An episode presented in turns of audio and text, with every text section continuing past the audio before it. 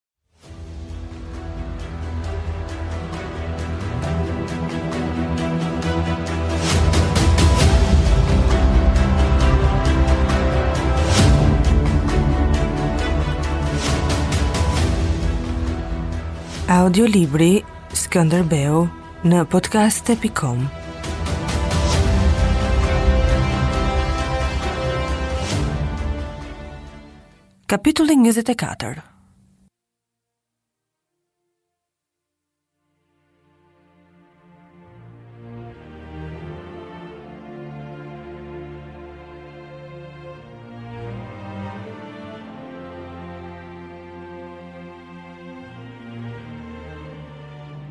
Ndryshe nga pronari i bujtinës, mund t'ia nxirrte njerëzit në rrugë dhe ta padiste, Ai do të paditej si i pari batakçi i kastriotëve dhe gjithë arbërisë.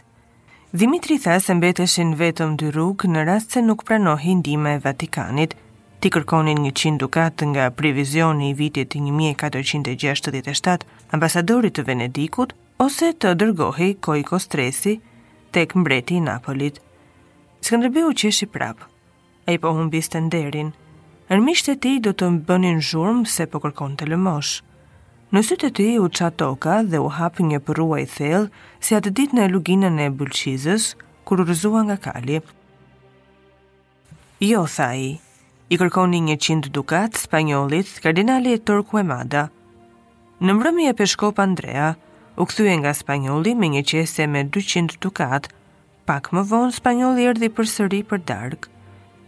Sa më tepër kalonte koha, aq më i largët e i paqenë bëhej në Romë rreziku turk. Në konsistorin e 13 shkurtit, Papa tha se luftrat e brendshme ishin të afërta. Arka e Vatikanit nuk mund të nxirrte 5000 dukat për Skënderbeun, por le të jepeshin 2300 dukat, si dhe një letër për mbretin e Napolit, që ky t'i dorëzonte Skënderbeut të dhjetat kishtare që Napoli i detyrohej Vatikanit. A t'ia kthejmë spanjollit 200 dukatët? Pyeti Dhimitër Frëngu. Jo, se do të fyhet, do t'ia kthejmë pas fitores me dhurata të tjera, tha Skënderbeu. Nga deti i vinte era e jodit e përzier me erën e pranverës. Pas ditëve të palodhshme në Romë dhe marshimit të pandalur për të arritur Napolin, Skënderbeut ia kishte ënda të çlodhej, por në darkë duhej të shkonte në gosti tek mbreti.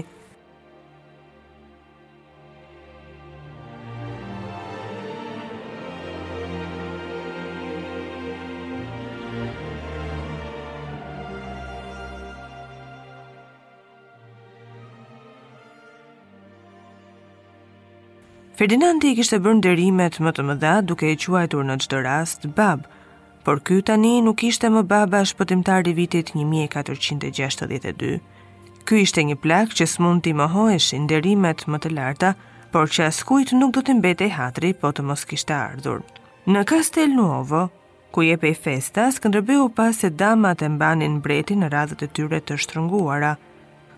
Oborri ishte zgjeruar trefish nga koha e viteve të vështira dhe ishte si pjesa mëkatare e parajsës, Mbreti, me kokën si të dashit dhe trupin të rënduar nga dhjami, shpërndante harenë, duke u folur të gjithëve si një zot taverne që u di dhëmb e dhëmballë myshterinjve.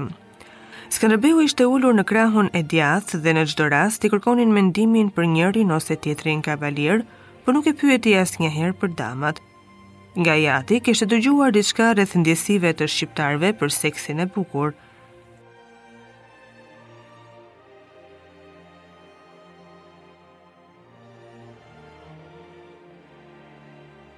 Skënderbeu i bëri ballë qetësisht kureshtjes së oborrit dhe piu verë po aq sa mbreti, gjë që e shtyu Ferdinandin ta quante disa herë të tjera babë. Një ditë më parë, Ferdinandi kishte pritur ambasadorin e Ballaban Pashës, kapiten i përgjithshëm i Turkut në Arbëri, që i solli dhurata të çmuara. Ambasadori e pyeti mbretin në shihte ndonjë pengesë për marrëdhënien e fqinjësisë dhe për tregtinë. Nuk dëshiroj gjë tjetër më të mirë, ishte përgjigjur Ferdinandi. Serasqeri shpreson se këtu nuk do të gjejnë përkrahje armiqtë e sultanit, kishte thënë ambasadori. Unë do të jap prova të fqinjësisë së mirë, ishte përgjigjur Ferdinandi. Ai do të dërgonte menjëherë në Stambull sekretarin besnik Bernardo Lopez, Skënderbeu shikonte mbretin me kureshtje dhe habitej me pafajësinë e fytyrës së tij. Mbreti do të ishte hidhëruar, sikur Skënderbeu t'i thoshte se nuk bënte mirë që buzëqeshte nga të dyja krahët. Ferdinandi i pagoi Skënderbeut pensionin prej 1500 dukatësh dhe i dha 300 qerre gruri me kredi.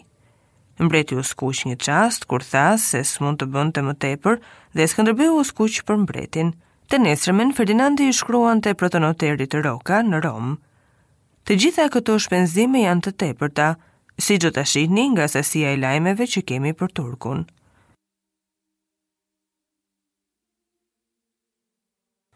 Europa ishte një hapësirë e trishtuar, Një botë pa peshë, një masë e gjallë e përgjumur, që grindej pareshtur me vetveten, që i zgjoheshin ndjenjat e vetëmbrojtjes, kur turku i shkëpuste ndonjë copë, për t'u përgjumur prapë e gëzuar që s'mund të ruante atë që mbetej. Përfundimet e shtegtimit që zgjati tre muaj, ishin të inatit dhe dëshpërimit. Në çastin e jetës ose të vdekjes së popullit të tij, Skënderbeu gjendej i vetëm, përballë fuqisë së përqendruar të turkut, i braktisur sheshit e i tradhtuar.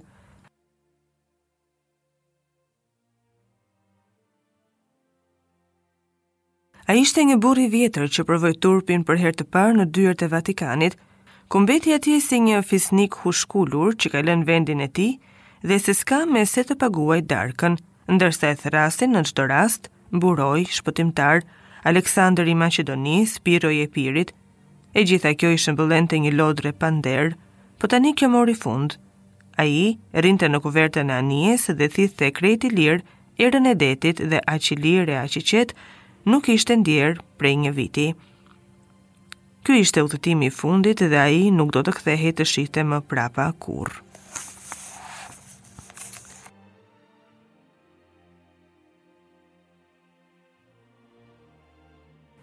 Një kolonë turke prej 1500 vetash me karvanët e gjatë të ushqimeve vinin nga Maqedonia nëpër rrugët e Shkumbinit. E udhëhiqte Jonuz Badera, vëllai i Ballabanit. Skënderbeu i ra kolonës në befasi në Petrelë, kur Jonuzi besonte se po arrinte shëndoshë e mirë te vëllai dhe e shfarosi tërësisht në një orë e sipër. Jonuzin dhe të birin, Ederin, I kapi të gjallë, i preu kokat dhe ia nisi Ballabanit.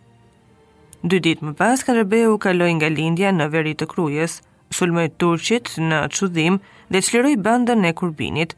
Po atë ditë, Kojko Stresi asgjësoi rojën në Grykën e Zezë. Ballabani mori në çadër kokat e vëllait dhe nipit, i vuri përpara dhe i pështyu. Pastaj ua lau gjakun, S'patëm ç'të bënim.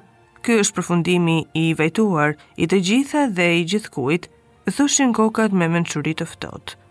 Ballabani e mori në duar kokën e të vëllait, ia pa tiparet e njohura dhe qau. Të nesërmen i hipi kalit, u ngjit në kalanë e Zgërdheshit, e prej andej doli në lindje të Krujës, në lagjen Zaharia. Turqit nuk e përdornin atë rrugë për të shkuar në Krujë. Lart në mal, Nga Maja e Flamurit, tek Uji i Vjerrë, më tutje te kisha dhe poshtë tek Shpella e Kuqe, në gjithë buzën e shkëmbit u shfaq ushtria e Skënderbeut si një varg pambarim që ecte në qetësinë e të vdekurve, njerëz e kuaj. Udhëtonin ditën fare hapur si për të ndjellë mbi vete armikun. Ballabanit iu ngjit një thirrje në grykë, po nuk i doli zë. Kështjella zbrazi topat në erë, ushtoi faqja e shkëmbit dhe pas krismave u ngritën brohoritjet. Kështjella përshëndeste çlirimtarin që vazhdonte ecjen buzë shkëmbit. Ballaban Pasha dinte se Skënderbeu kishte ngritur përsëri Lidhjen e Lezhës, Kësaj herë vetëm me krerët e veriut, Dukagjinët, Spanët, Dushmanët,